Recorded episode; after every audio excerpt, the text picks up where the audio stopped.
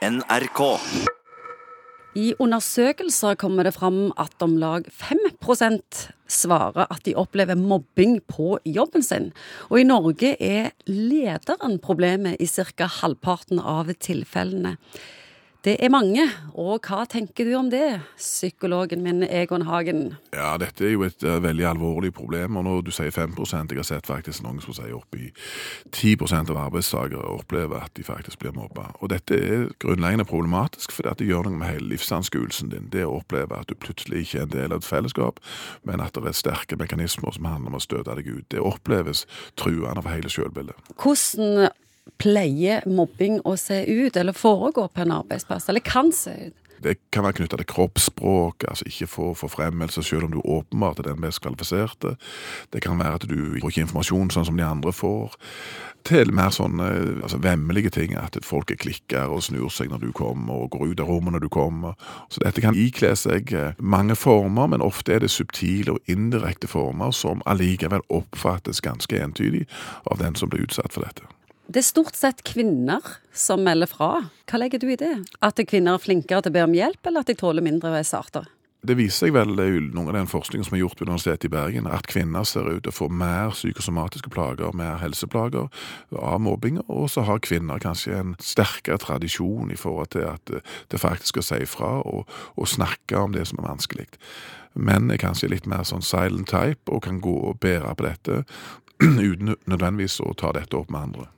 Og så lurer du kanskje liksom, Mange spør jo hva er det som kjennetegner den som blir mobba. Og, og der er det en tredjedel som er omtrent sånn som meg og deg, altså ganske alminnelige. Og så er det kanskje en, en tredjedel som har en eh, sårbarhet knyttet til angst eller sosial følsomhet. Og det kan godt være de har fått dette av mobbing, og det er vi litt usikre på. Den siste tredjedelen her er en gjeng som på en måte kanskje er litt sosialt firkanta, hypersensitiv for kritikk, og som sånn sett kan være ekstra disponert i forhold til å skape den type situasjoner. Hvis en befinner seg i en situasjon på jobben der en opplever at en blir mobba, hvordan skal en gå fram da for å komme seg ut av denne situasjonen på klokest mulig måte? Må si noe fornuftig om at hvis det faller en, en skeiv kommentar til deg, eller at du syns det er noe urettferdig som har skjedd på et onsdagsmøte, så betyr ikke dette at du har vært utsatt for mobbing. Mobbing er definisjonen på det at det er en vedvarende prosess som går over lang tid, og som handler om deg, og da snakker vi gjerne om en seks måneders periode.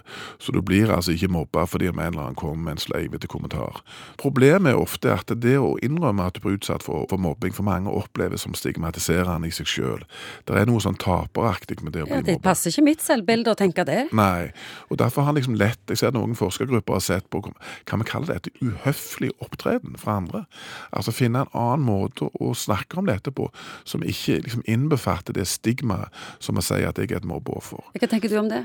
Ja, Det tror jeg er ganske fornuftig. Altså, Vi har gjort det i mange andre sammenhenger. Hvorfor skal den som blir mobba, få en diagnose? Det er de andre det som har fått det. Ja. Det er helt riktig. Svar på ditt spørsmål hva du bør gjøre, så er jo selvfølgelig det første at ta dette opp med ledelsen. Og så er det lurt å ta dette opp ganske tidlig, hvis du kjenner at her er det Ikke lett å ta ting opp når du føler deg så liten og dum Nei. og lei deg. Nei, men hvem har sagt det skal være lett? Nei. Det er ikke lett. Så det, det lureste er å unngå den situasjonen, Ingvild. Men hvis, situasjonen, hvis situasjonen oppstår, så er det jo Jo lenger du venter, jo mer affektive, jo mer følelser blir det rundt dette.